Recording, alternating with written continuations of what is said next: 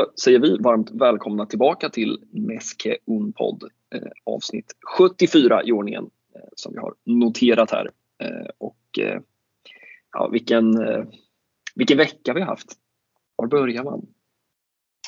Ja, det är ju frågan. Det tog väl inte jättemånga timmar eller dygn innan vi avslutade det förra avsnittet. Innan det ja, briserade upp en ny, en ny skandal, får man väl ändå säga. Ja, skandal är väl inte, det är väl inte fel ord eh, att använda. Eh, sen beror det väl lite på vem man, vem man frågar hur stor denna skandal är som, sig, eh, som det brukar vara.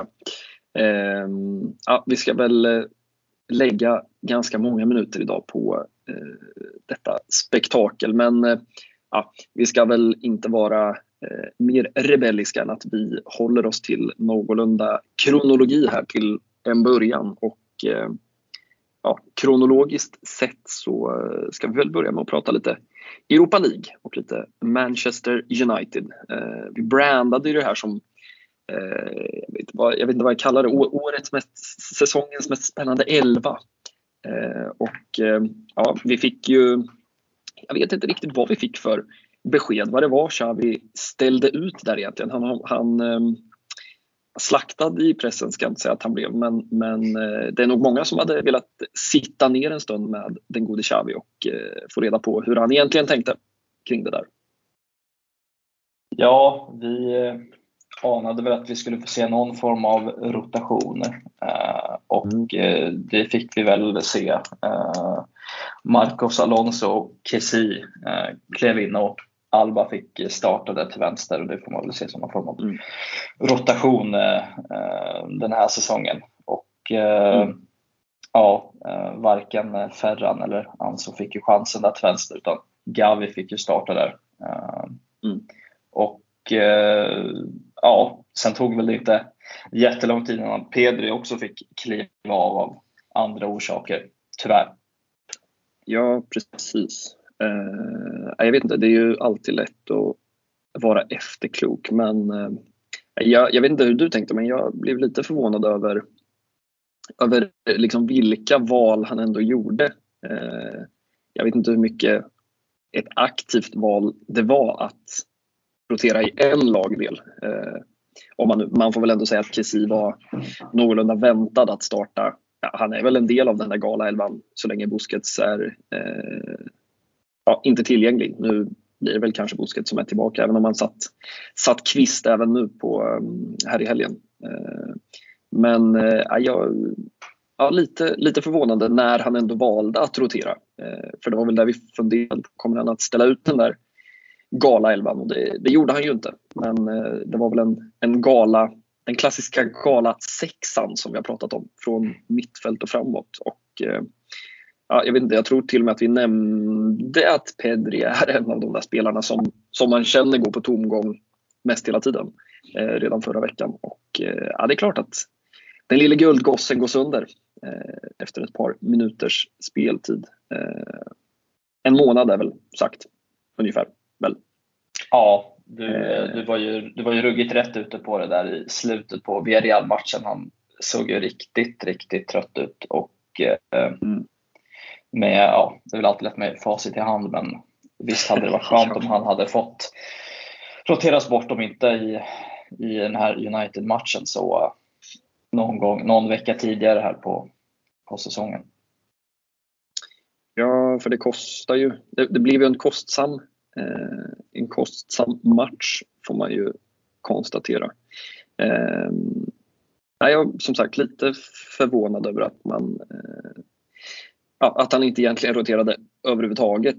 Eh, varken i, eh, på centralt fält eller i, i den där anfallslinjen med Gavi. Då, då. Eh, och eh, ja, Jag vet inte hur mycket vi ska säga om matchen. Det är ju som sig bör när man möter ett engelskt lag i Europaturneringssammanhang att det tenderar att dras väldigt stora växlar. Eh, hela min sociala medievecka har väl mer eller mindre bestått av att ta del av eh, hur stark den engelska respektive spanska ligan är utifrån eh, den här matchen. Då. Eh, jag vet inte vad du har haft för filterbubbla nu i veckan? Uh, ja, jag har väl inte befunnit mig i samma som det. Min har väl mest handlat om, handlat om Marcus Rashford och att han är väl världens bästa spelare just nu, mer eller mindre. Mm. Och det finns väl fog för att, för att tycka det, tänker jag. Han, vi visste ju att han skulle vara det stora hotet. Vi pratade om hur man skulle stänga ner den där vänsterkanten där han brukar utgå ifrån med Araujo mm. och Kondé som någon form av vägg där. Men uh, han hade en riktigt fri roll och hotade även, mm. även till höger. Och det antecknade ner här. Rotationer som kostade och det får man väl ändå säga att Marcos Alonso Jordi Alba gjorde, även om Alonso knoppade in det där, det där 1-0 målet.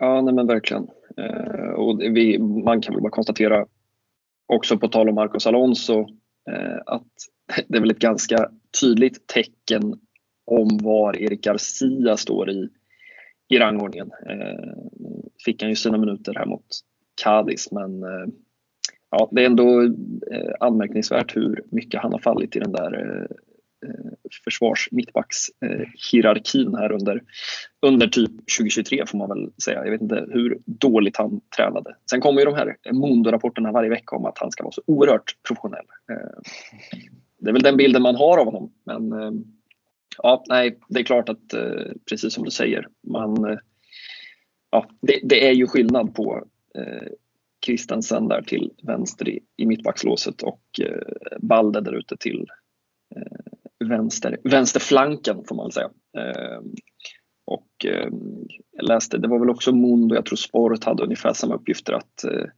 ja, tränarstaben ville eh, belöna Jordi Alba för de fina insatser som han ju har gjort. Det är väl ingen som, som säger någonting annat än att han har varit i, i liksom fin form när han väl har fått chansen under 2023. Men eh, ja, nej, det är klart att det, det är skillnad på den där backfyran som man vill ha på planen och den man kanske inte främst vill ha på planen.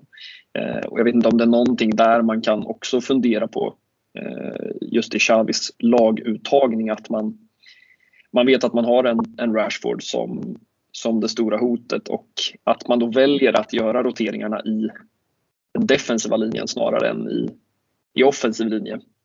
Ja, nej, vi har ju Eh, funderat över en del över Xavis tendenser i laguttagningar förr och eh, jag vet inte, kan man säga att kritikerna fick lite vatten på sin kvarn?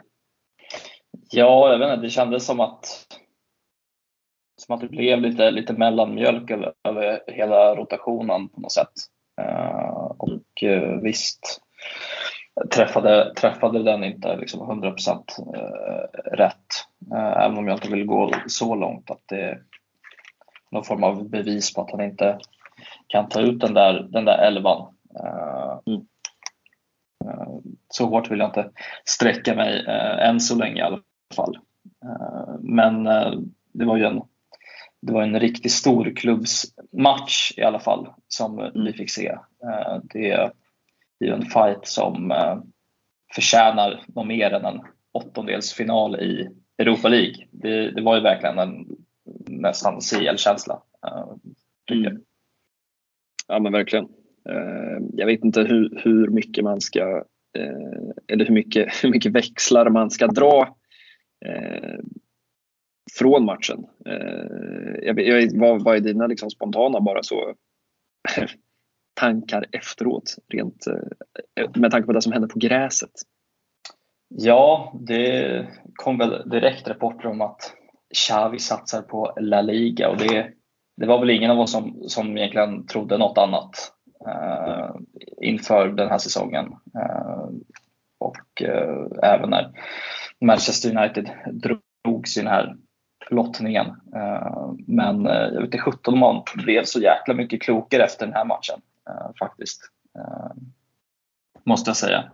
Eh, jag hoppas att man inte lägger så mycket vikt på, på det här, även om det såklart känns ofrånkomligt att man kommer ge allt i, även på Old Trafford. Ja, vi ska väl inte gå, vi ska väl komma till Cadiz-matchen men eh, notera ju då bytena där på Frenkie de Jong och eh, Robert Lewandowski i slutet också som, som väl också är ett tecken på att eh, ah, det, lär väl bli, eh, det lär väl bli starkast möj, möjliga elva eh, känns det som med tanke på att man har eh, Almeria då på, på söndag kväll där. Eh, så känns väl det som ytterligare en match där det kan komma en del rotation. Vi ska väl eh, såklart komma mer till rotationsspelarna här med tanke på det som sen skedde mot Cadiz här i, i, eh, igår kväll. Eh, men jag, jag vet inte, jag, som, jag vet inte vad du sa, en, en liten mellan, lite mellanmjölk över hela veckan. Jag delar ju din, eh, ditt ordval. Eh, det, ja, lite, lite oklart hur man väljer att prioritera och det är klart att det är inte konstigt att, att rotera mot Cadiz hemma heller såklart. Men eh, ja, eh, det blev väl lite, lite halv rotation i, i liksom bägge matcherna på något vis. Eh, och eh, ja, det blir väl, nu lyckades ju United vinna här i, i helgen också så att eh, ja, båda gängen har ju liksom på något sätt lyckats då uppenbarligen med sina respektive laguttagningar. Men eh, ja, det blir ju en, eh, vi ska väl komma dit också, eh, liksom det som väntar på Old Trafford. Det är klart att det kommer bli en häftig match på alla sätt och vis. Men ja, vi kan väl också bara konstatera det, jag tror att vi sa det senast också. Jag tror att du sa åttondelsfinal här för några minuter sedan. Det är ju faktiskt en sextondelsfinal ja, ska vi fan komma ihåg. Eh, och eh, det blir väl, om inte min huvudräkning eh, Eh, spelar mig ett spratt, så är det ju potentiellt nio matcher. Eh, ja, åtta till då. Om man skulle gå hela vägen. Och, eh, ja, man behöver inte vara rymdforskare för att förstå att det kommer att göra saker med antal ligapoäng. Eh, vare sig man vill eller inte, vare sig man lyckas med eh, rotationsgamet eller inte. Eh, så att, ja, jag vet inte. Vi, vi ska väl lämna de tankarna eh, ett par minuter här tills eh, vi ska snacka upp den match som kommer. Men eh, ja, jag vet inte, vad, vad gäller besked eh, på Camp Nou så jag vet inte, det var, det var väl en rätt flängig match på något vis. Eh, var min bild. Jag, jag, vet inte vad du, hur du värderar själva insatsen. Jo, men väldigt eh, väldigt svängig och särskilt där i, i den här andra halvleken. Liksom. Uh, mm. och, uh, jag vet inte vad för besked man fick. Uh, Rafinha fortsätter väl att visa sin, sin, sin klass, tycker jag. Verkligen. och är avgörande ännu en gång. Det är en jäkla skillnad att åka till Old Trafford med, med förlust på hemmaplan. Mm. Gentemot ett ett, eh, ett kryss. I mm. övrigt tyckte jag att eh, ja, jag vet inte, Lewandowski han, han hade ju det tufft eh, ändå. Mm. Kom väl inte till, till sin rätt och vi kommer komma in på honom också här när vi snackar Cadiz. Mm. Och ja, jag vet inte, man släpper in 2-1 på, på det är liksom en, ett självmål. Det är väl Kondé som får stå för den ännu en gång. Mm. Ja, jag noterar ett par. Han, eh, han tycks vara inblandad i fel eh, situationer. Eh, på något vis. Jag vet den, den är väl lite svår Den här är väl svårare att hänga honom för än den här i La Liga för ja. jag vet inte, några, några matcher sedan. Men ja, vi noterar hans namn i statistiken ännu en gång. Jag vet inte, vi, vi kan väl också bara, eller vi måste väl nämna Eh, vi kommer väl också att komma dit i, i eh, Cadiz-tugget men att eh, Sergio Roberto kliver in där på, på mittfältet i Pedris frånvaro och precis som vi kunde konstatera, tänker jag då förra veckan när vi konstaterade att Frank Kessie byttes in så kan vi konstatera, när Busquets då försvinner, så kan vi då konstatera att återigen så väljer Xavi att behålla den här Gavi-rollen.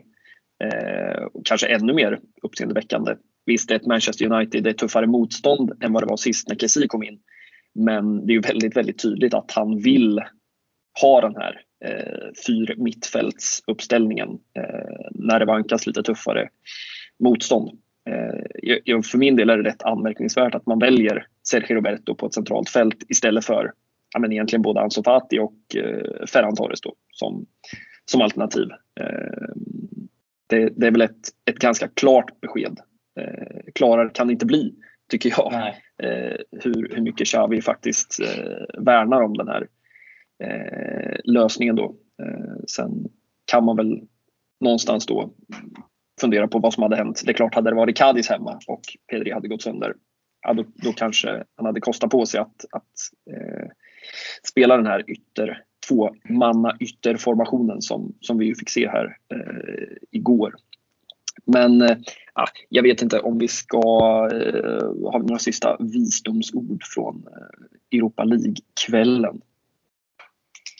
Det är väl att eh, allt fortfarande lever till, till nästa vecka. Och mm. det, får ju, det blir ju en spännande elva där med tanke på att Gavi drog, drog på sig det där gula kortet. Och, mm. Som han alltid gör i och för sig. och, och, och missade turen borta på, på Old Trafford. Ja, men ett rätt eh, tydligt gult kort eh, får man väl säga i den situationen. Eh, ja, nej, vi ska väl återkomma och bara eh, prata upp den matchen lite, men vi ska väl redogöra för eh, gårdagskvällen här också eh, mot Cadiz på Camp Nou och eh, alla tänker att det är en solklar trea förutom Emilio som har, som har sin statistik med sig i, i ryggsäcken. Eh, måste ha varit ruggigt nervigt för dig. Ja, verkligen. Eh, nej, men vi har väl nämnt det tidigare att Cadiz har eh, åtminstone två riktigt bra resultat med sig från Capdo här de senaste säsongerna. Mm. Det var någon, någon deppig match i ett, liksom ett öde Camp Nou när var det Alex, Alex Fernandez som, som satte dit den i Messis liksom, ja hans sista tid där i, i Barca. Liksom. Uh, och uh, sen uh, fick de väl också med sig ett 0-0 resultat i slutet på förra säsongen och mm. gjorde väl någon form av great escape när de lyckades hålla sig kvar helt enkelt.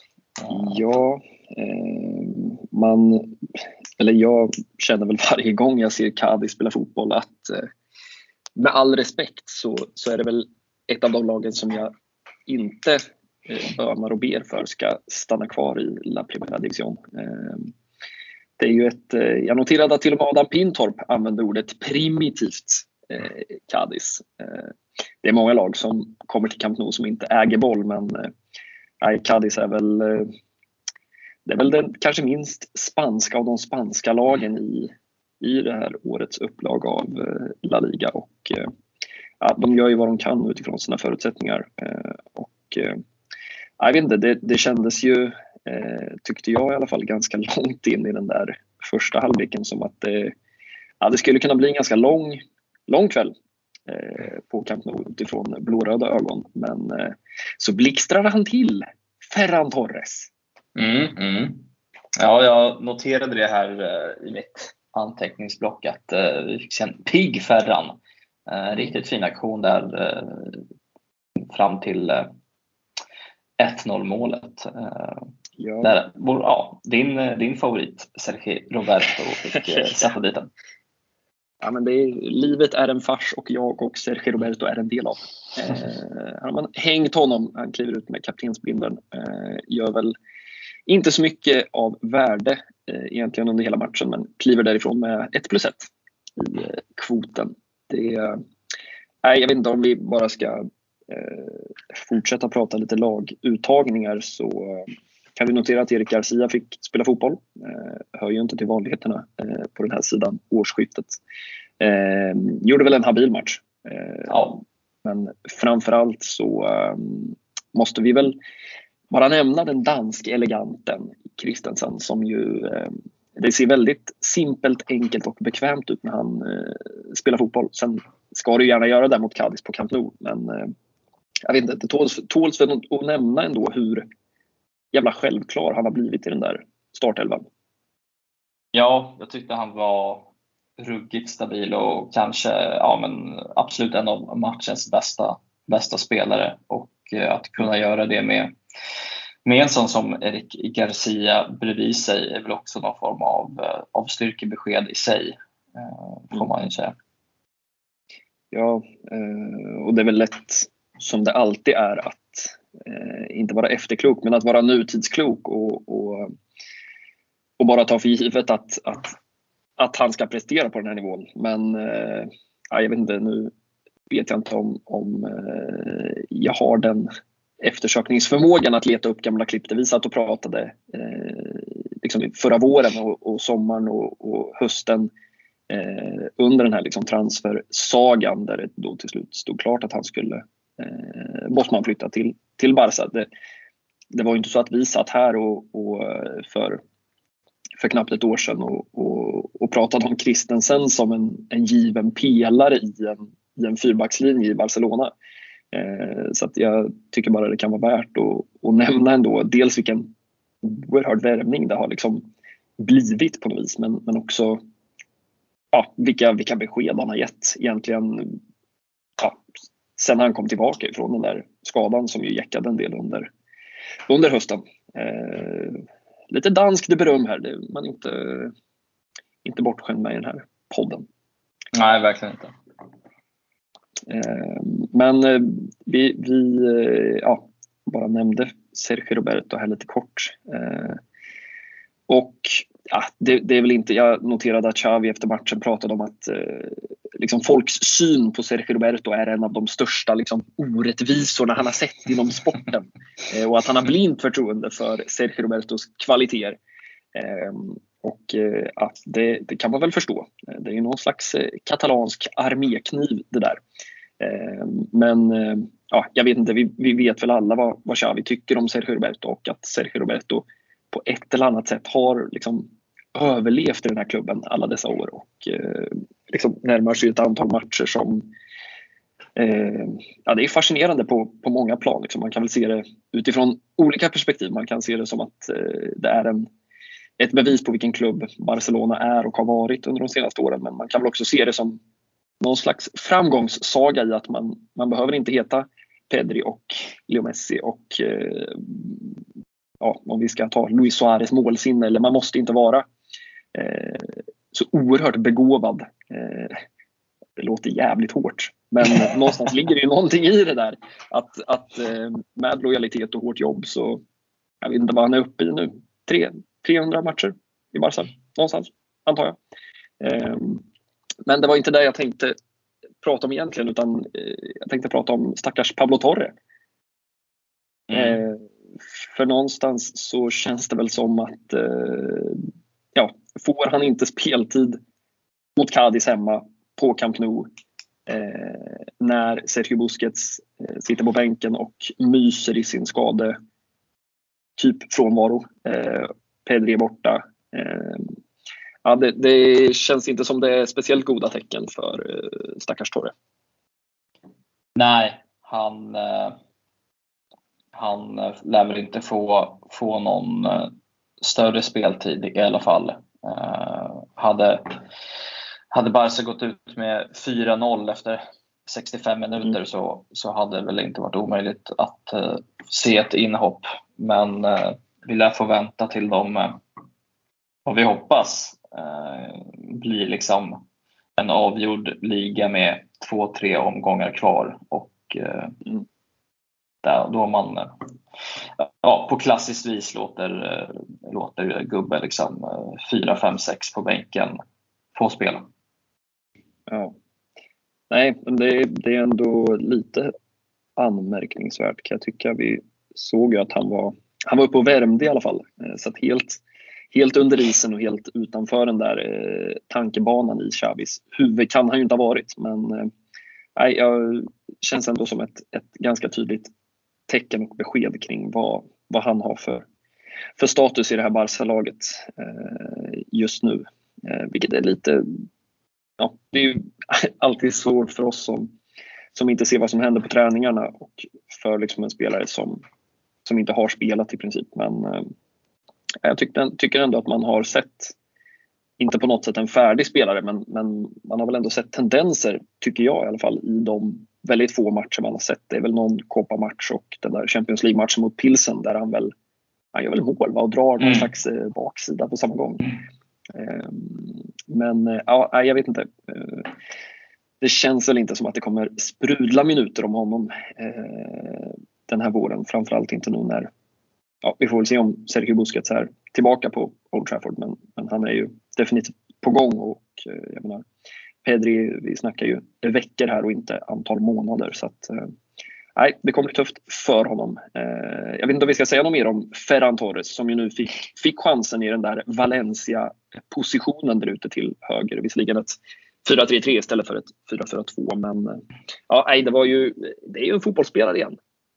Ja, och eh, skillnaden var väl slående när man så här i efterhand eh, liksom, tänker på Ferran Torres insats och eh, Ansu Fatis eh, mm. match.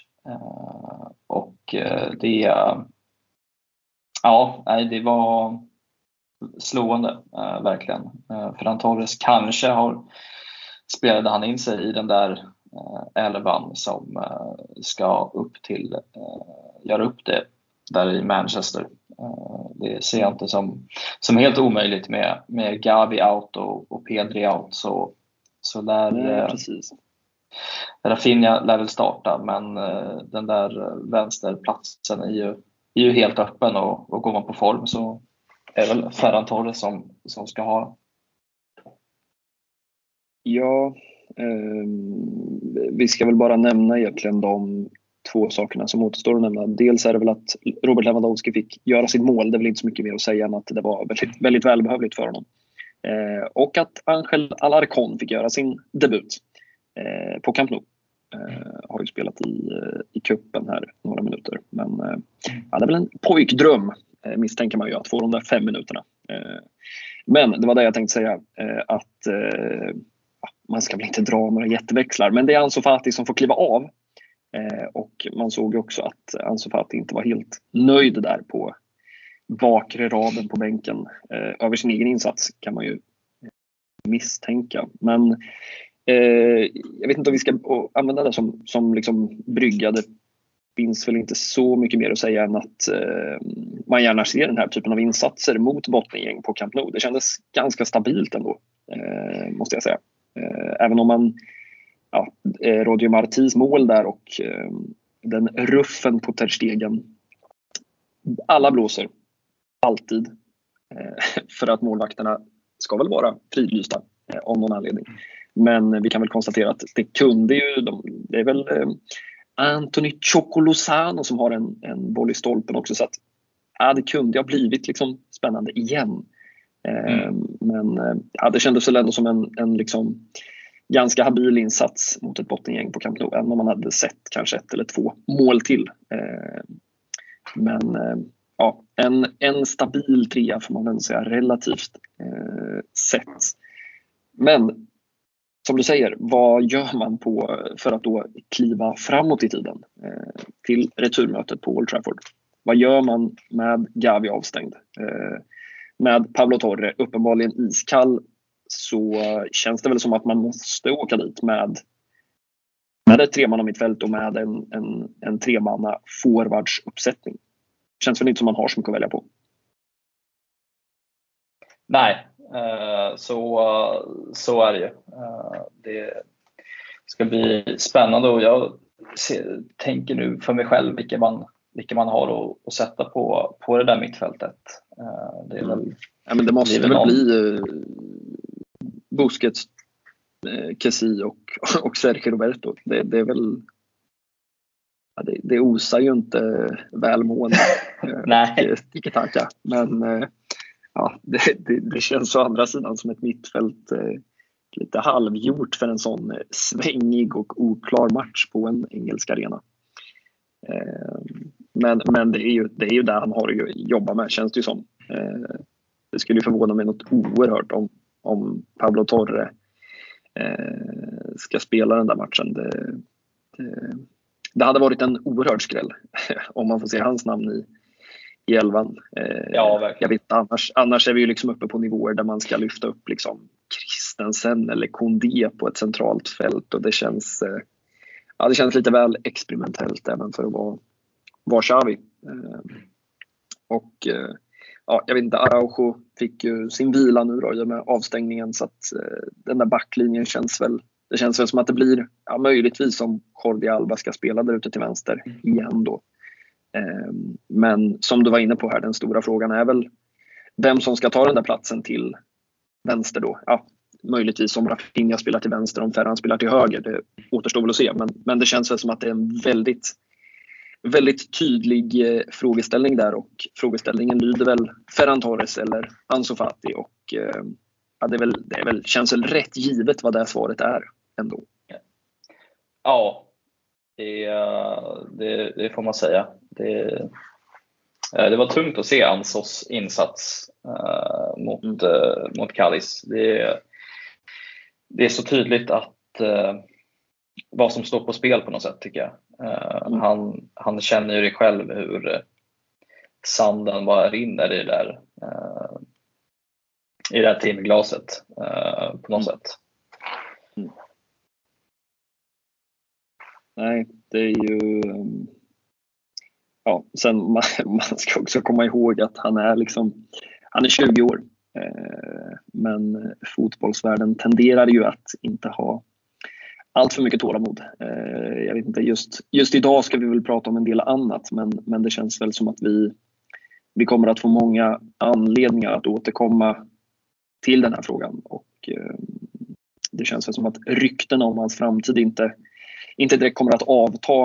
Eh, och ja, det är väl egentligen jag, tänk, jag vet inte på rak arm om man har haft någon sån riktig riktigt tydlig som det blir nu mot, mot United. Sen vi, alltså, vi ska inte säga det. Plötsligt så startar liksom Balde som vänsterytter och han sätter Jordi Alba som vänsterback. Ja, då är frågan löst. Men, men just det där kring just Ferran eller Ansu Fati. Eh, det känns inte som att de två har egentligen ställts emot varandra eh, på ett tydligt sätt förut som det ju ja, vi får väl ändå säga att allt tyder på att det, det verkligen är någon av de två som ska kliva in i den där elvan. Eh, och som du säger, det, ja, ska man gå på insatsen nu senast på Camp Nou så, så är det ingen större tvekan om att det är Ferran Torres som, som ska ta den där platsen. Eh, och då i sin tur blir det ju spännande att se vem som ska spela till vänster eller till höger. Eh, det eh, har jag faktiskt ingen, ingen bra och genomtänkt tanke kring. Eh, jag vet inte hur man ska tänka riktigt. Båda spelarna har ju liksom de har ju varit där på vänsterkanten och eh, flängt runt båda två utan egentligen några större framgångar får man väl säga. Ehm, så det, det, det, är väl en fråga så gott som någon. Ehm, också en, en vet, det är fortfarande svårt för mig att förstå i vilken position Ferran Torres egentligen värvades för. Ehm, men vi kan väl bara konstatera att det finns ett ganska stort problem i truppbygget som är den att Ousmane Dembélé, Rafinha och Ferran Torres vill spela på den där högerkanten.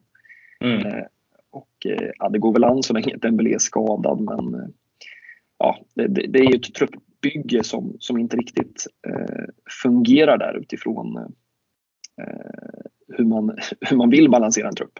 Eh, jag vet inte om man kan, kan ha det sådär över tid. Eh, sen är det väl möjligt att, att man lyckas integrera någon av dem på, på vänsterkanten men eh, slutar väl med Yannick Carrasco i sommar. Eh, inte... Ja, den, det truppbygget fick oss att drömma om en Carrasco som ska slicka den där vänsterkanten eh, på något sätt. Men ja. sen har man väl kallt räknat med att en sån som Osman Dembélé med sina två liksom, fötter som ja, båda fungerar mm. väl. Ja, att, han, att han ska kunna agera som någon form av kris, eh, krislösning även, även till vänster. Eh, och, visst, eh, och visst kan han göra det, men då ja, hans verkningshöjd är så mycket högre när han är där ute till höger. Så att, okay. Något annat än den positionen ses ju som någon form av slöseri på något sätt. Ja men verkligen. Eh, nej, det blir en eh, spännande laguttagning igen utifrån några parametrar i alla fall. Eh, vi ska väl säga några ord om ligafajten som känns som, som vanligt liksom väntar på söndagar. Det känns som att det har blivit dagen som gäller. eh, nu för tiden med alla dessa veckomatcher och eh, torsdagar och eh, allt vad fan det är. Eh, Almeria borta. Eh, känns väl, jag vet inte, vad, vad säger man om Almeria borta egentligen? Ja, jag kollade in deras form och den, den skriker väl inte. Uh, man, man känner sig inte jättehotad. De fick ju rejält med pisk här med 6-2 borta mot Girona. Och, mm. uh, jag noterade att som, uh, de hade väl sex målskyttar, sex olika målskyttar och sex olika assistgörare. Eh, vilket ju mm. eh, det måste vara någon slags, eh, kanske hänt förr, men, men eh, ja, tåls att noteras. De, de gnetar på. Eh, nej, men jag vet inte, det blir ju lite La Masia återträffar med tanke på att vi har Sergio Akieme där ute på vänsterbacksplatsen och eh, han har väl varit lite ut och in, den gode Schumi, som vi alla kanske minns från den där Levante-matchen i Copa del Rey här för några säsonger sedan. Eh, där han inte hade sin, sitt livs bästa kväll. Men eh, ja, det har blivit en La Liga-spelare av eh, honom också. Men de, de har ju lite folk där framåt som man ändå känner kan kliva in och, och, och hänga en kasse förstärkte ju med Luis Suarez här. Inte den Luis Suarez, utan den andra Luis Suarez i januari. Eh, det hade varit häftigt att se Luisito i, i Almeria för all del. Eh, men den gamle godingen Batistao och Mbarba, ja, de, har, de har lite, lite folk som, som kan driva egen verksamhet eh, framåt känns det som. Men ja, det är klart att vi har väl pratat en del om det där de senaste veckorna. Att man har ett spelschema här som, som ser väldigt gynnsamt ut. Eh, när man liksom blickar fram emot det här klassikot som ju blir den tydliga brytpunkten för den här våren. Eh, och eh, känslan är väl alltjämt att om man, ja, om man klarar att gå rent här så, så känns väl allt annat än en förlust i det där klassikot som att ligan i väldigt hög grad är, är avgjord. Eh, men då ska man ju åka bland annat till Almeria och eh, göra jobbet. Det är ju inte säsongens sexigaste ligamatch eh, kan man inte påstå.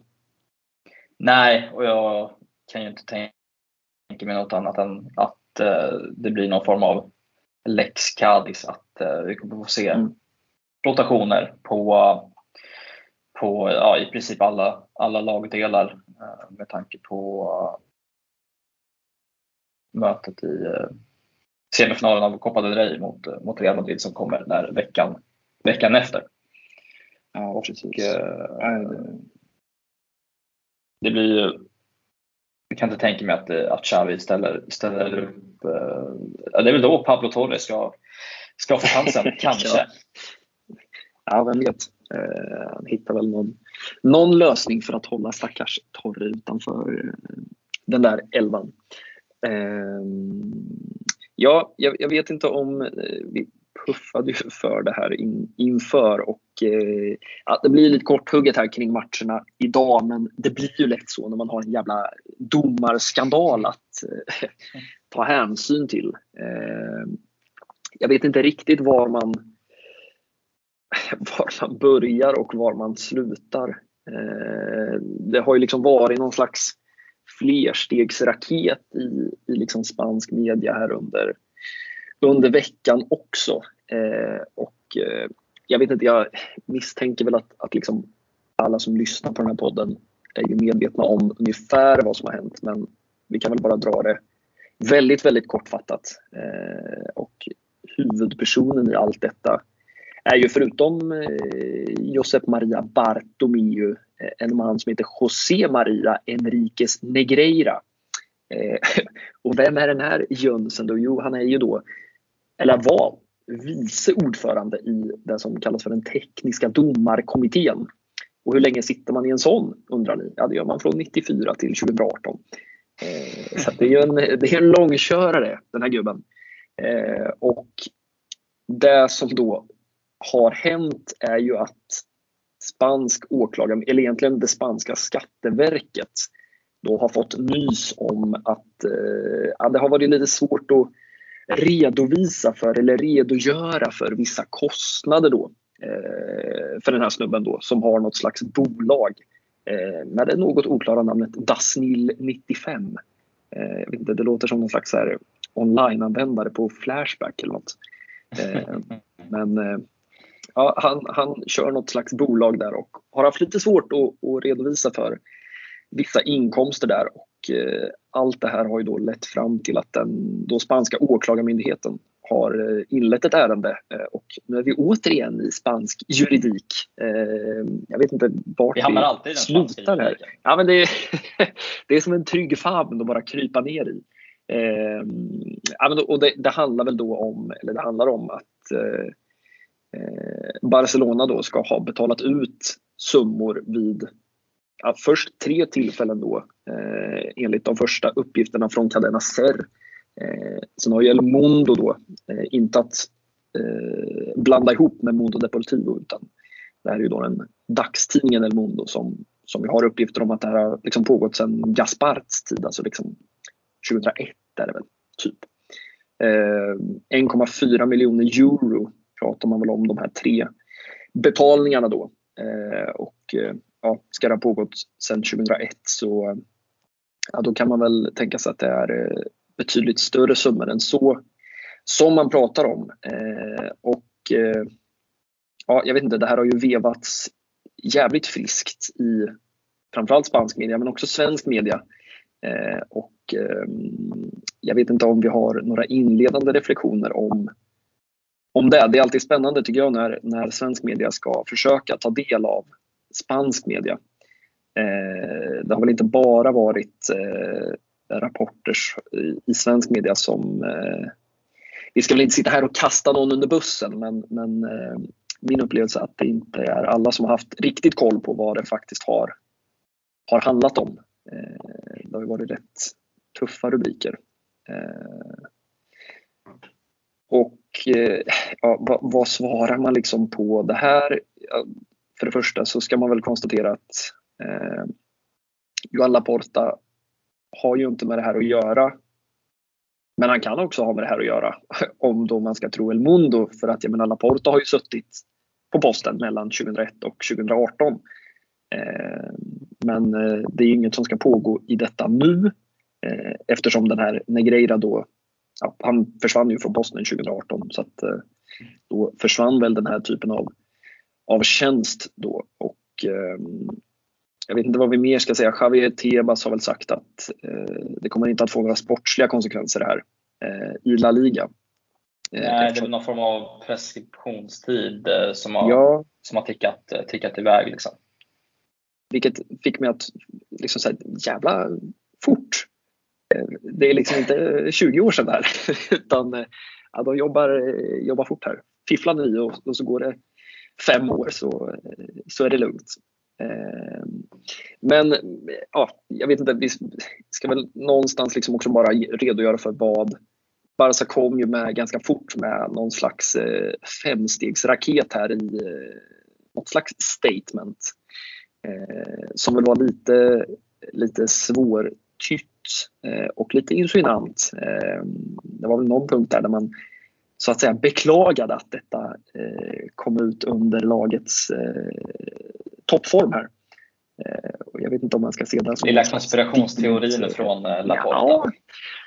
Ja, ja den, den är inte helt oväntad.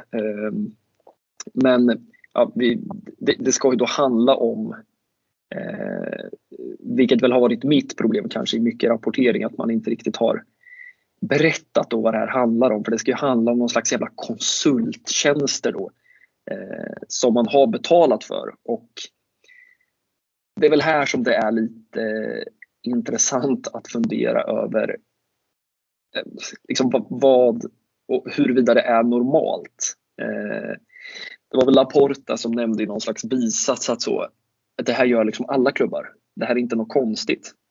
Eh, Nej. Ja. Hur du ser på saken. Men, men skulle det vara så att, och då får man gärna lägga fram det då. För att är det så att det är så det funkar, ja, alltså so be it.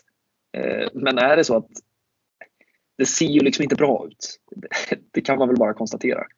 Eh, det är svårt att, att säga någonting annat. Men, men klubbens förklaring, om jag har tolkat det rätt, är väl att man då inför då varje eh, omgång i, ja, egentligen oavsett om det varit cup eller supercup eller, eller liga, liksom inför varje omgång i liksom den spanska fotbollen, både för A och B-lag, så har man ju då fått en rapport ifrån det här företaget som då bland annat ska ha innehållit liksom uppgifter om domarna. Och förklaringen är väl att man har fått liksom uppgifter om domarna utifrån deras liksom jävla beteendemönster och hur de dömer. Eh, och man, jag vet inte vad du skulle hugga av för att få ta del av ett sånt där litet eh, alltså man, man skulle, vad, vad, vad, är, vad är det, det liksom, vad, vad, berätt, vad, vad är det den här eh, Negreira kan berätta om domarna? Alltså det, är det liksom ja, den här, det är liksom, idag är det Lahos. Snacka inte med honom. Det är inte bra. Nej. Eller den här domaren. Jag, jag, ställer mig väldigt undrande till vad det är i de här rapporterna som, som då ska hjälpa Barca uppenbarligen. Ehm, ja, för det, det, det, tar ju inte mer än liksom fem, fem repriser på fem olika matcher för att jag inser att Laos gillar att stå i, i, i rampljuset eller att domare X eh, är liksom snabb med de gula korten när man ska springa fram och liksom försöka övertala honom att det inte minst han var, var någon frispark. Eh, det, Nej, det, det, det känns... behöver man inte betala 15 miljoner för. Liksom.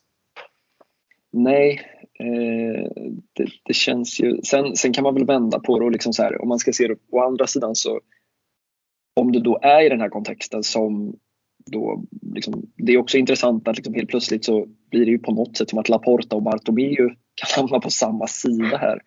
Eh, helt plötsligt. Det hade man inte trott. Men, men det låter ju liksom inte helt orimligt att en klubb då får någon slags helgjuten rapport om så här. Ja, men okej, nu har ni Osasuna på, på eh, El Sadar.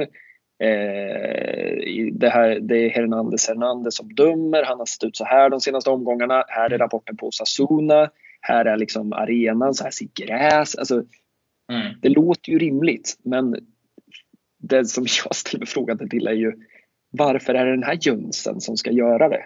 Eh, det, det, framstår ju som väldigt korkat att, för att snacka om att sitta på dubbla stolar, eh, mm. som då, även om man då var vice ordförande för den här kommittén så, ja, man behöver ju inte vara varken rymdforskare eller politiker för att förstå att, att liksom den dagen det här kommer fram så, ja, det är inte orimligt att det blir de rubriker det blir. Eh, kan man väl konstatera. Nej, Nej och sen ska man väl, tycker jag, ha liksom kontexten jäkligt klart och tydlig för sig. Och det är väl att det alltid, så länge jag har följt spansk fotboll i alla fall, har pratats om domar fördelar hit, domar fördelar dit. Real Madrid mm. får straffar som inget annat lag får.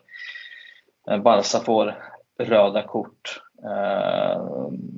I eller klassikon eller åt det andra hållet. Det har ju alltid funnits eh, det här domarsnacket och då kan man ju förstå att det blir stora rubriker när man ser en toppklubb ha betalat eh, liksom stora summor till en till en eh, vice ordförande, en gammal La Liga-domare som han väl är, mm. eh, som mm. har eh, gett rapporter på liksom, ja, på de här domarna någon form av underlag, då, då förstår man att eh, de eh, ja, jag vet inte, konspirationerna eller de åsikter, de som tycker så, de, eh, de får ju vatten på, på, på sin kvarn helt enkelt. Ja men verkligen. Och jag, jag vet inte vad du säger men jag upplever väl ändå att den där liksom diskussionen som du hänvisar till som ju herregud vad den har funnits men, men min upplevelse är väl att den kanske lite har tonats ner Ehm, jag vet inte vad man ska prata om, men kanske två, tre åren. Ehm, och jag vet inte om det handlar om att dels både Barca och Real har varit, ja, framförallt Barca såklart, har varit liksom svagare och det har kanske inte funnits den här, ja men på tiden när liksom titlarna avgjordes på en eller två poäng och det kunde vara ett domslut. Eh, som, som liksom, från ett Barca-håll så tänker man ju på det där Bettis spökmålet eh, 2017 som ju indirekt avgjorde den där eh, ligan i efterhand. Eh, som ju då från blårött läge var väldigt uppmärksammat såklart. Eh, Men att det också var ett annat klimat under, ja, men dels under liksom Mourinho och Pep-tiden och att den liksom väldigt, väldigt, väldigt uppeldade rivaliteten som det blev då. Alltså nu har vi liksom tre klassikon här på en vår och man tänker att ja, men det blir spännande. Eh, den där säsongen där man hade tre klassikon på en vår. Eh, jag vet inte om det var 10, 11 möjligtvis. Eh, mm. När man spelar Champions League-semin där.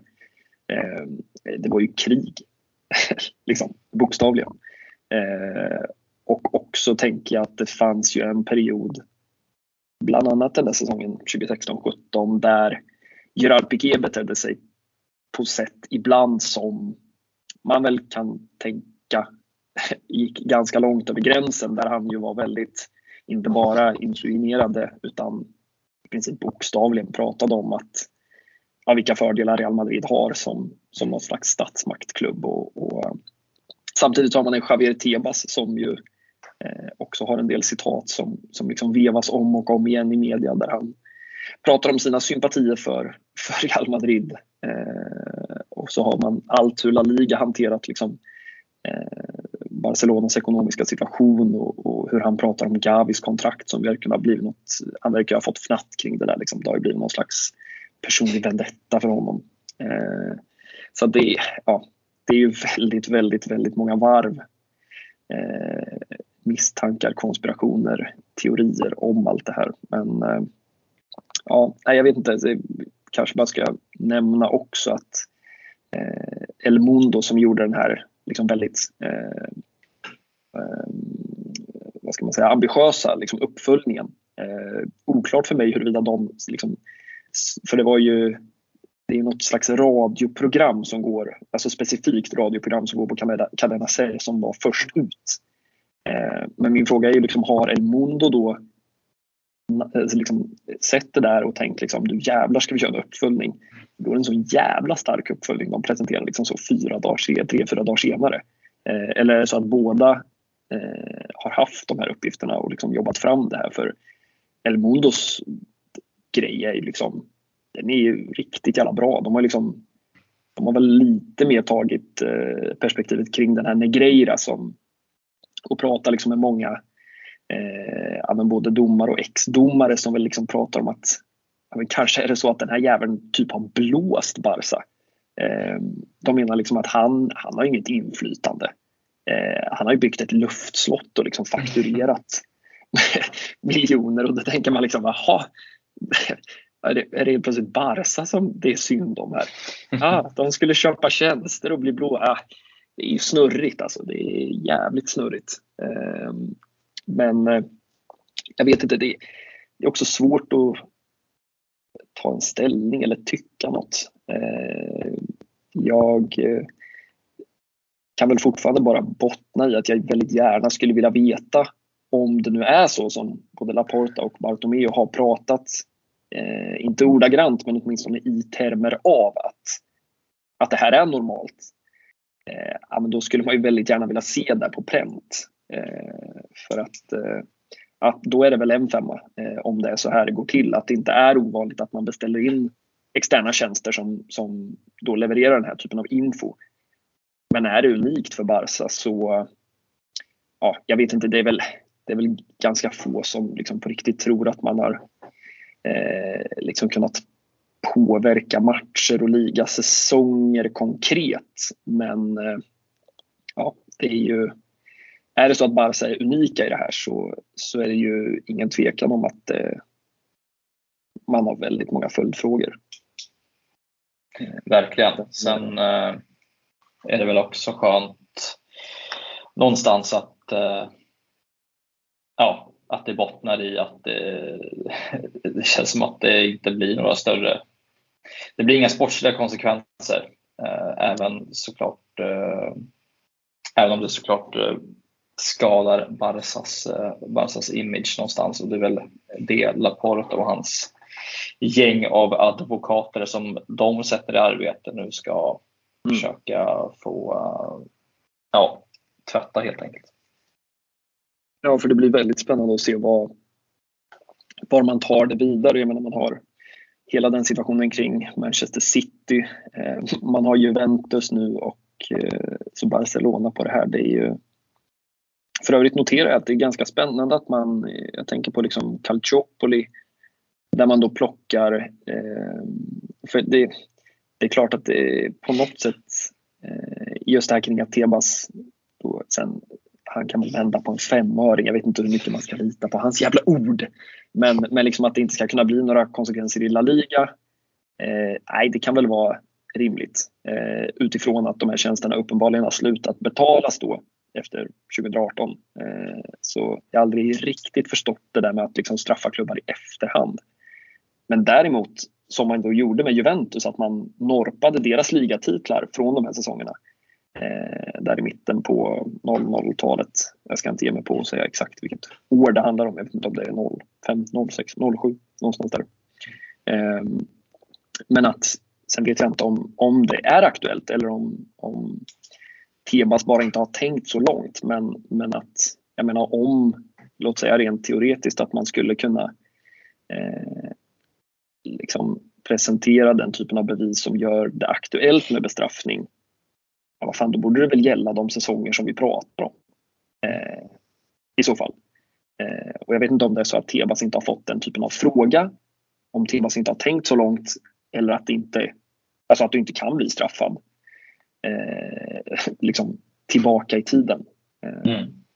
Det känns väl också som något som man eh, lär få återkomma till och också vad Uefa hittar på. Eh, man behöver väl inte vara konspiratoriker för att eh, notera att eh, Uefa och Barcelona, Real Madrid och Juventus inte är bästa kompisar med tanke på vad de här tre klubbarna eh, pysslar med och planerar kring Super League. Eh, så ska man nog inte utesluta eh, att Uefa också kommer att titta på det. Eh, och för all del, kasta ut oss ur Europa League med huvudet före. Vi behöver ingen jävla returmatch på eh, Old Trafford. Skicka ut oss bara så åker vi direkt till, eh, till Almeria. Eh, men, eh, jag vet inte, det, det, man känner själv att det liksom det är svårt att hålla rät kurs eh, när man pratar om det här och det är väl också för att det är för att kursen inte är så jävla rät. Eh, det är svårt att det är mycket som är svårt att bedöma eh, känns det som. Och, eh, ja, det enda man egentligen kan konstatera är väl att liksom PR-bygget Barcelona med podd med Klubb eh, har fått sig en törn. Eh, vare sig man, man vill eller inte.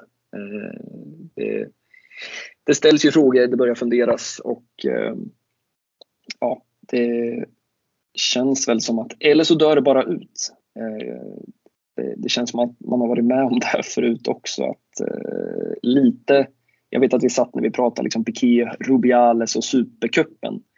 Eh, att liksom så herregud vad man kommer prata om det här och, och det kommer få liksom konsekvenser. Vi, vi, kommer prata om det här liksom i, i veckor och månader framöver men det har inte hänt någonting. Mm.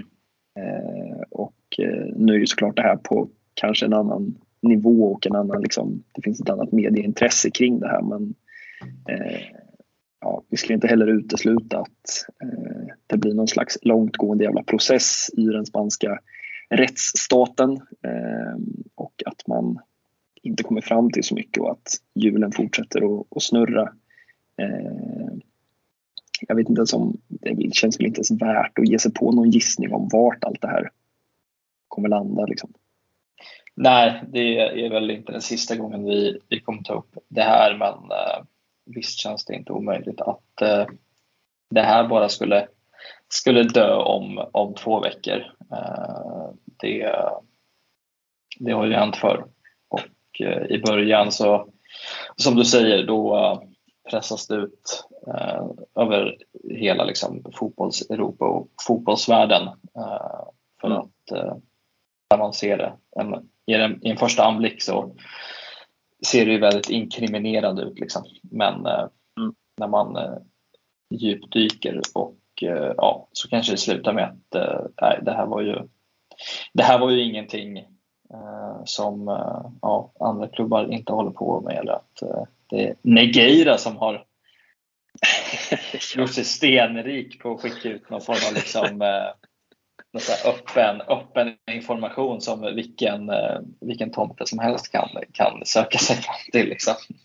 Ja, men man, man har ju liksom svårt att eh, det, det, jag får lite liksom den här Giraldes-vibbarna när han när, när de har spelat en otillgänglig spelare och han liksom drar till med. Det, fan, det syntes inte i systemet. Alltså, jag har svårt att liksom förstå jag har svårt att förstå varför den här typen av information, alltså precis som du säger, var, varför existerar den? Alltså det, jag, jag kan liksom köpa när liksom Barca B spelar i, i liksom trian att man då att det finns ett intresse i att få liksom rediga rapporter på liksom både domare och motståndare. Men alltså det framstår ju som helt...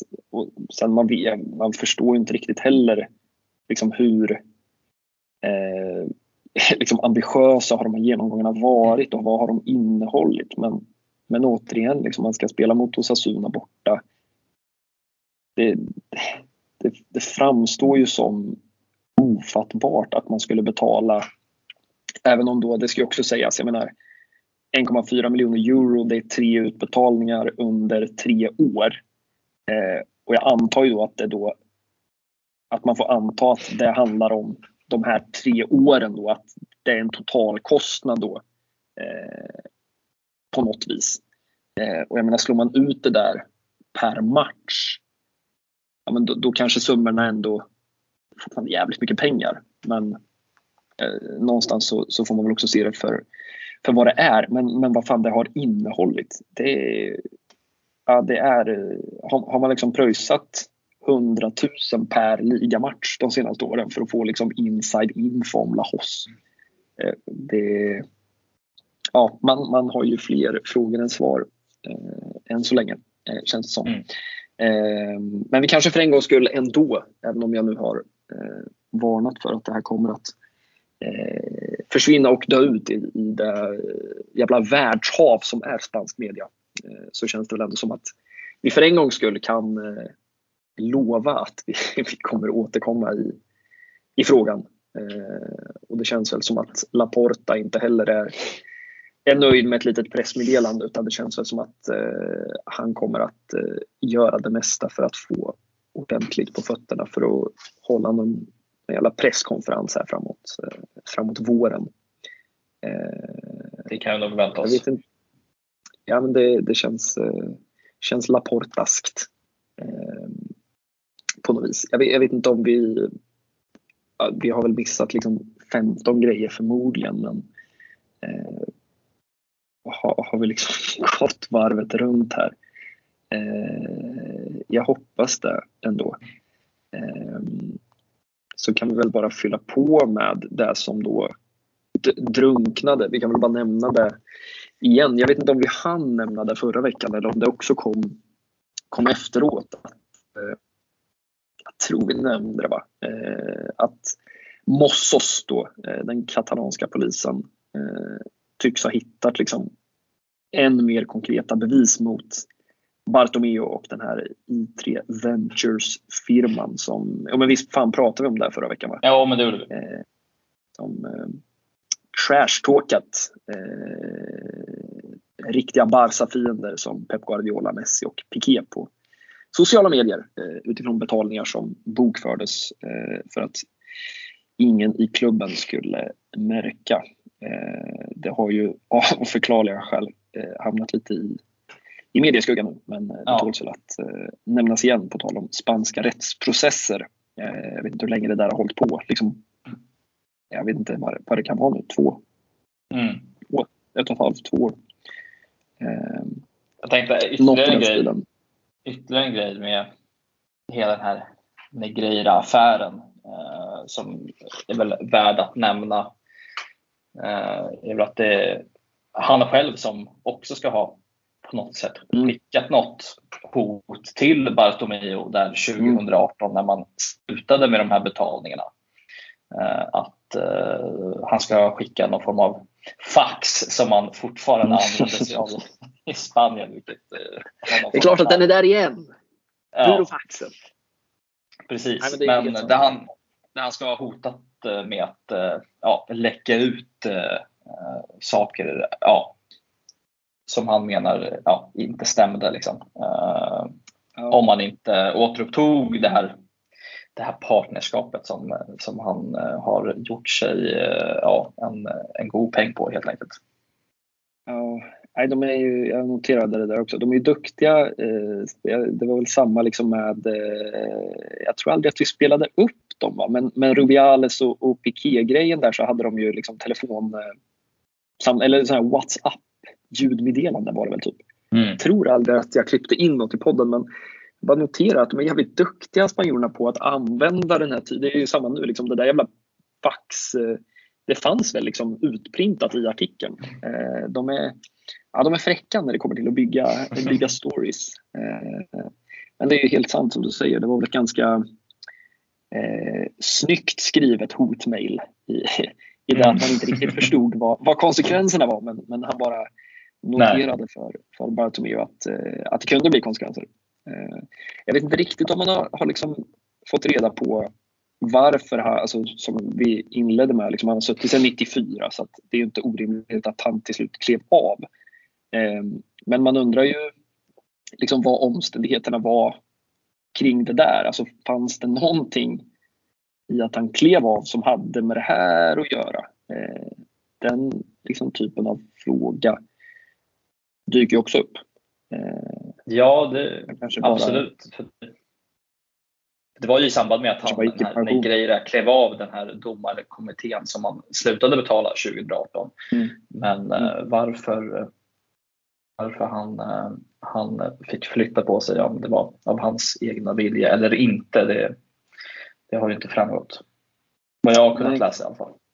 Nej, Nej vi, eh, ja, för en gångs skull så vågar vi väl lova att Eh, det sista ordet inte är sagt eh, i frågan. Eh, jag vet inte om vi ska beta av, eh, det har inte varit liksom eh, några större händelser eh, annars i veckan. Eh, Noterade att Sport hade de livsavgörande uppgifterna om att Samuel Umtiti ska ha hjälpt Frank Kessie att hitta hus i Barcelona. Eh, den typen av journalistik som, som gör mig väldigt glad eh, att de delger oss, de spanska tabloiderna. Eh, jag vet inte om vi ska bara notera också, eh, det här är väl inte juridik men det ja, snart tangerar det väl fan juridik. Eh, det vill säga att det är landslagsuppehåll för våra kära vänner Fridolina Rolfö och kompani. Och det är ju ganska många av dem som då får ledigt av spanjackerna ju. Eh, det kan väl bara vara värt att nämna att de här är de 15 eh, spelare som har gått ut och eh, ja, vi pratade om, om det här mycket i, i höstas som, som ju inte vill spela för Spanien helt enkelt. så länge Nej. vissa förändringar inte sker. och det här står ju klart, eller står ju kvar nu när det återigen är landslagsuppehåll och eh, med ett VM som, som ju stundar. Eh, så jag vet inte, vi, det, det, det, är ju ingen liksom, det har inte hänt något nytt i, i liksom processen och sådär men, men vi kan väl bara återigen konstatera hur jävla anmärkningsvärt det alltjämt är. Ja, de eh, omnämns ju oftast som helt enkelt de 15 i, mm. i spansk media. Och, det är lite, lite de 22 forskarna. Ja, precis. På något vis. Eh, men, eh, nej, det, det mesta, jag vet inte hur, hur stora växlar man kan dra men, men det mesta tyder väl på att de inte kommer att spela VM. Nej, eh, läs till Jorge Vilda, förbundskaptenen då, som allt det här handlar om i princip. Eh, har ju fortsatt på sin, på sin linje och han är ju ute och säger att han, han har han har de spelarna som, som han vill ha helt enkelt. Eh, mm. Även om de här 15 såklart är sportsligt mycket bättre än de spelarna som tar plats i, i truppen i deras ställe. Ja, för det ska vi väl också bara nämna igen att det är ju inte, det är ju liksom inte 15 dussin spelare det här utan, utan det är ju, det är ju spelare av absoluta världsklass.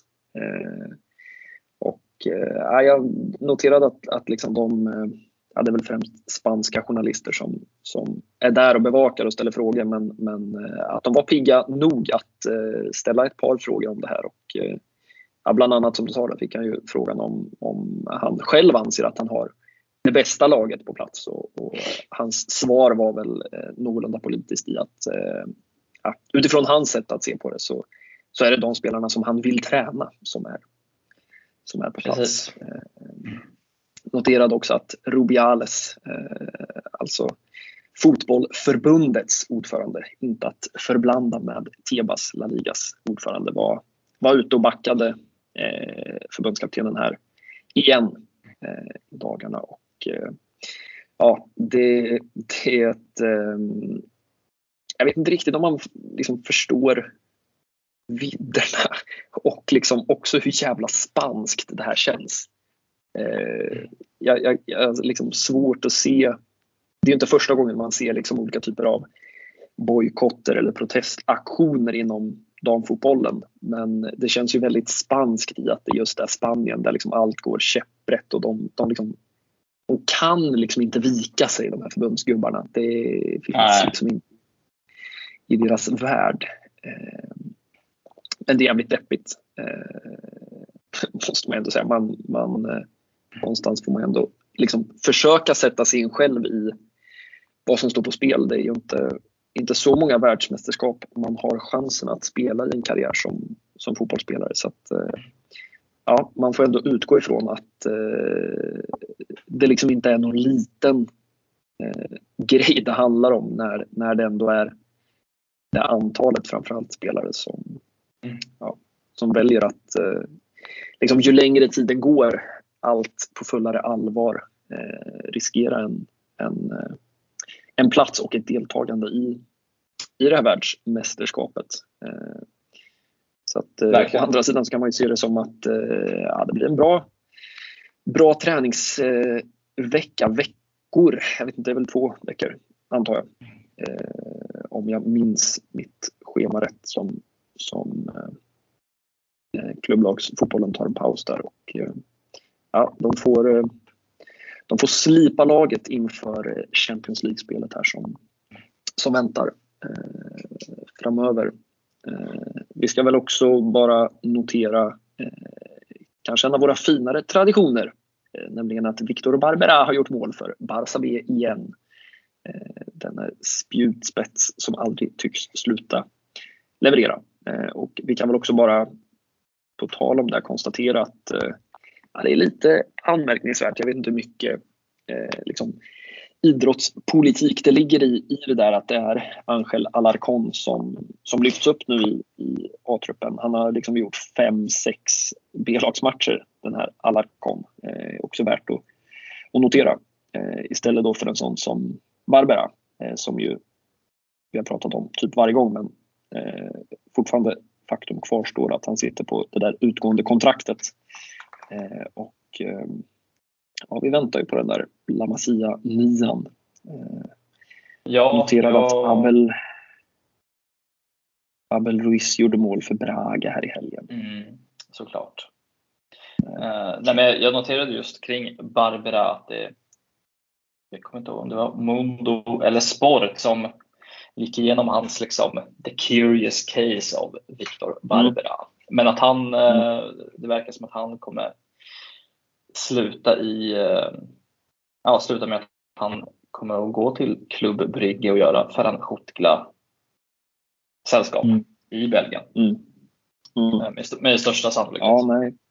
Det är ju ehm, ja, man vet ju inte vad han har fått för luften därifrån men, men ehm, ja, det, är en ganska, det är en ganska anmärkningsvärd flytt ändå. Eh, sen är det klart att Eh, klubbarna har relationer efter den där Schuttkla-affären och eh, klubbrygge har ju säkerligen eh, ja, de har fått blodad tand för vad en Segunda B-spelare kan, kan åstadkomma. Men eh, nej, det är klart att det är, eh, ja, det är lite deppigt ändå han, det, det eh, är ju inte så många eh, just för tillfället i Barça B eh, som det var för några, två, tre år sedan som, som har liksom den där klara potentialen att kliva uppåt i A-trupp på riktigt.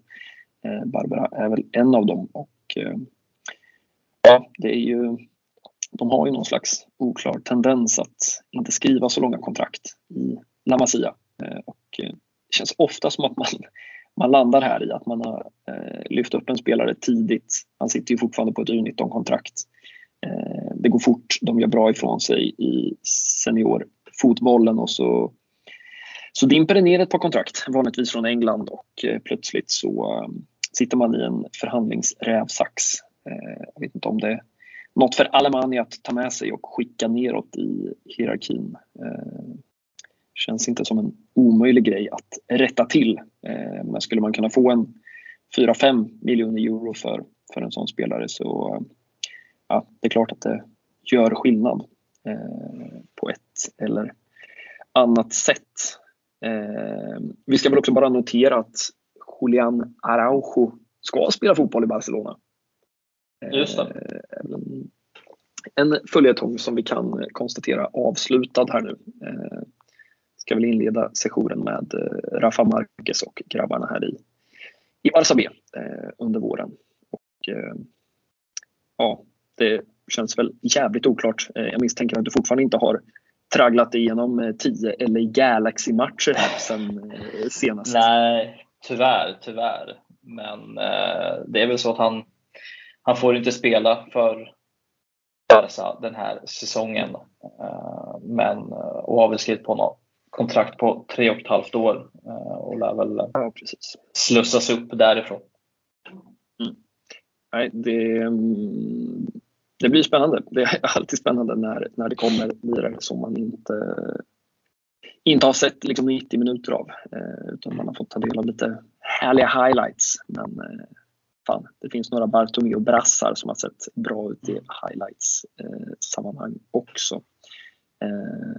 Och återigen så eh, kan vi väl bara notera att eh, eller vad snarare den här värvningen innebär för Arnau Martinez som ju Eh, fortsätter. Jag såg faktiskt eller jag har sett två. Det har bara blivit att jag liksom har suttit och glott på Girona av någon jävla oklar anledning. För sån är jag. och jag måste bara säga det att fan, han är, jag är väldigt, väldigt, väldigt imponerad av honom. Eh, man ska inte glömma bort att han är 19 år gammal och eh, ja, han spelar La Liga-fotboll på en hög nivå. Eh, han spelar framförallt konstruktiv La Liga-fotboll på en hög nivå. Det är ett ja, det är ett fascinerande gäng. Det finns många fascinerande gäng i La Liga den här säsongen. Men ja, Girona är väl tillsammans med Rayo kanske årets poplag. Det känns som att Rayo alltid tar den där jävla titeln. Så det är kul att det kommer några katalaner också och blandar sig i den där fighten. Men det känns väl som att det blir en, en mexikan istället för en spanjor den här gången. Och, ja, vi får väl hålla tummarna för att Julian har det som krävs. Han kom in med ett bra efternamn i alla fall. Eh, hoppas att det inte bara är uruguayaner vid namn Araujo som, som kan lyckas. Nej, eh, precis. Och eh, noterade också att det kanske även blir franskt uppe i topp. Eh, det är klart ja. att eh, Marcus Thuram eh, lämnar Mönchengladbach eh, gratis efter den här säsongen och eh, Barca ska vara en av de där klubbarna som ja, vi vet vad Alemani tycker om Bosman-spelare. Så det här är ju liksom ja. en, en värvning som går rätt in i, i hans uh, lilla attachéväska. Ja men verkligen. Eh, det har ju pratats en del Ilkay Gündogan eh, den här veckan också. Eh, Pini Sahavi var ju på plats i, i Barcelona. Oklart om det var för att diskutera Christensen, eh, Gündogan eller eh, Janni Carrasco som han ju också företräder.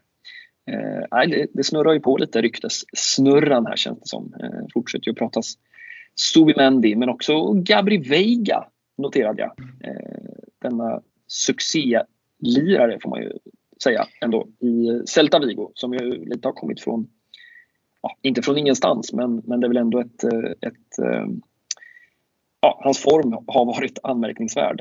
Eh, har ju dunkat in, eller snarare rullat in, trocklat in mål här var och varannan omgång känns det som. Och, eh, ja, han ska väl vara ett eh, billigare alternativ till Subimendi om man då ska, ska tro de här uppgifterna.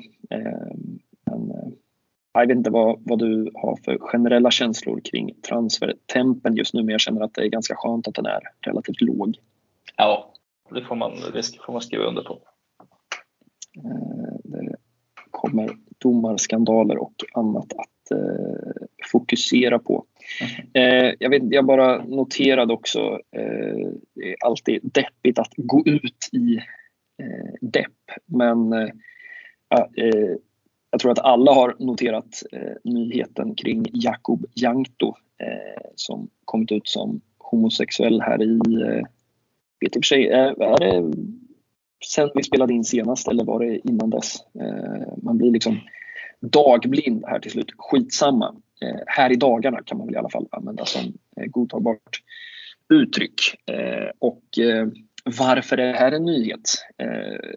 blir ju kanske den klassiska responsen ifrån många håll och jag bara noterade här att det var någon slags eh, ja, internationell dag här mot, om jag förstod saken rätt så är det en dag, inte liksom det är liksom inte Pride-veckan här utan det här är en dag mm. mot eh, HBTQI-fobi. Eh, som då noterades av eh, jag vet inte, ett par klubbar runt om i fotbolls-Europa. Och eh, ja, jag vet inte, det är alltid lika deppigt att gå in och läsa de här kommentarsfälten eh, kring eh, sådana här typer av inlägg. Barca eh, la väl ut något på, eh, jag vet inte om de vågade göra det på Facebook som ju ofta är kanske en ännu mörkare plats än, ja. än Twitter. Men, men Twitter hade i alla fall ut en, en eh, ja, det var en bild på någon slags regnbågsfärgad eh, gräsmatta väl, typ. Mm. Eh, och eh, ja, man, eh, ja, den som vill ha en lite sämre måndag kan ju gå in i de kommentarsfälten och eh, se vad som händer. Ja, men på tal just om varför, varför är det en nyhet att Jakob Jankto, eh, man får väl använda begreppet vågar komma ut som eh, homosexuell. Eh, det, sådana dagar, sådana typer av internationella årsdagar så kan man gå in på de här Eh, diverse Twitterinläggen från de olika klubbarna och eh, påminna sig själv om ja, dels varför det är viktigt men eh, antar jag också dels varför det är så, så få. Eh, det är ju ingen rymdforskning att konstatera att det är betydligt färre manliga fotbollsspelare som är öppet homosexuella jämfört med någon slags allmän befolkningsmängd bara en, en reflektion från veckan som gått. Det var inte så jävla kul att avsluta med. Jag vet inte om du har något, eh, något mer glädjande att eh, dela med dig av innan vi drar igång Dan och Xavi. Nej, men eh, jag skriver självklart under på eh, vikten av att eh, våga uppmärksamma det eh, såklart. Man, jag var inne och klickade in på den där tweeten och de eh, rätt tidigt där efter publicering av de 10-12 första kommentarerna. Det var ingen rolig läsning. Eh, men det är väl därför det fortfarande behövs. Men eh, jag vet inte om jag har så något positivt att eh, slänga ut. Eh, men eh, det är väl att vi, vi kommer få se mer Xavi Bal i framtiden. Ja det är väl en jävla sak vi kan bara... Eh, Han kommer ta den till England. Ja, nej men, eh, det, det ska bli eh, väldigt spännande att se vilka växlar som, som kommer att dras utifrån den här eh, matchen. Det är alltid på något sätt både fascinerande, lite otäckt och eh, spännande denna kamp som alltid tycks uppstå för, eller från Premier League-vurmarna med all respekt för den härliga fotbollsligan så ja, det finns La Liga-stofiler också ska väl sägas. Eh, den där kampen mellan vilken som är den bästa fotbollsligan eh, tycks som att den alltid ska avgöras när två lag möts i 16 del i, i Europa League. Eh, men ja, vi får väl se om vi har eller var vi hamnar i, i eh, snacket nästa vecka här om vi ska eh, prata upp någon slags Europa League åttondel och ladda om för det eller om vi enbart får eh, fokusera på den inhemska fotbollen och eh, alla dessa jävla klassikon som väntar här. Eh, jag vet inte om det var att, att gå ut i, eh, i dur eller moll. Eh, vi gör vad vi kan. Det har fan varit en eh, stormig vecka. jag vet inte, vi har liksom, är det tre eller fyra juridiska fall vi, vi har att följa här under eh, under våren. Eh, mm. någon, någon jävla gång ska man väl få prata eh, fotboll här i en timme och 20 eh, minuter istället för spansk eh, juridik. Eh, någon gång ska vi också ha med någon jävla expert på spansk juridik i den här podden. det hade varit revolutionerande på, på många sätt. jag misstänker också att inte heller du varken, ja du har ju inte suttit och tittat på 10 timmar eller Galaxy men den här Dan-historien. Nej. Ja, där, där, går jag bet. Där går jag bet. också. Inga svar. Ja, jag vet inte, vi uh, får väl liksom utlysa en jävla efterlysning efter en förklaring på det här. Uh, det, det, är liksom många frågor i en. Eh, och den första är väl kanske hur man uttalar det här eh, förbannat härliga eh, namnet som inte känns urkatalanskt. Men grabben är väl också, jag ska inte säga att han är född i Qatar, det har jag absolut ingen aning om. Men, men, men han är, han. Det är han. Det är i alla fall raised. Det, det är han. Här kommer ja, han. han, är, han är Jajamän. Så mycket koll har jag. Ja, Okej, okay.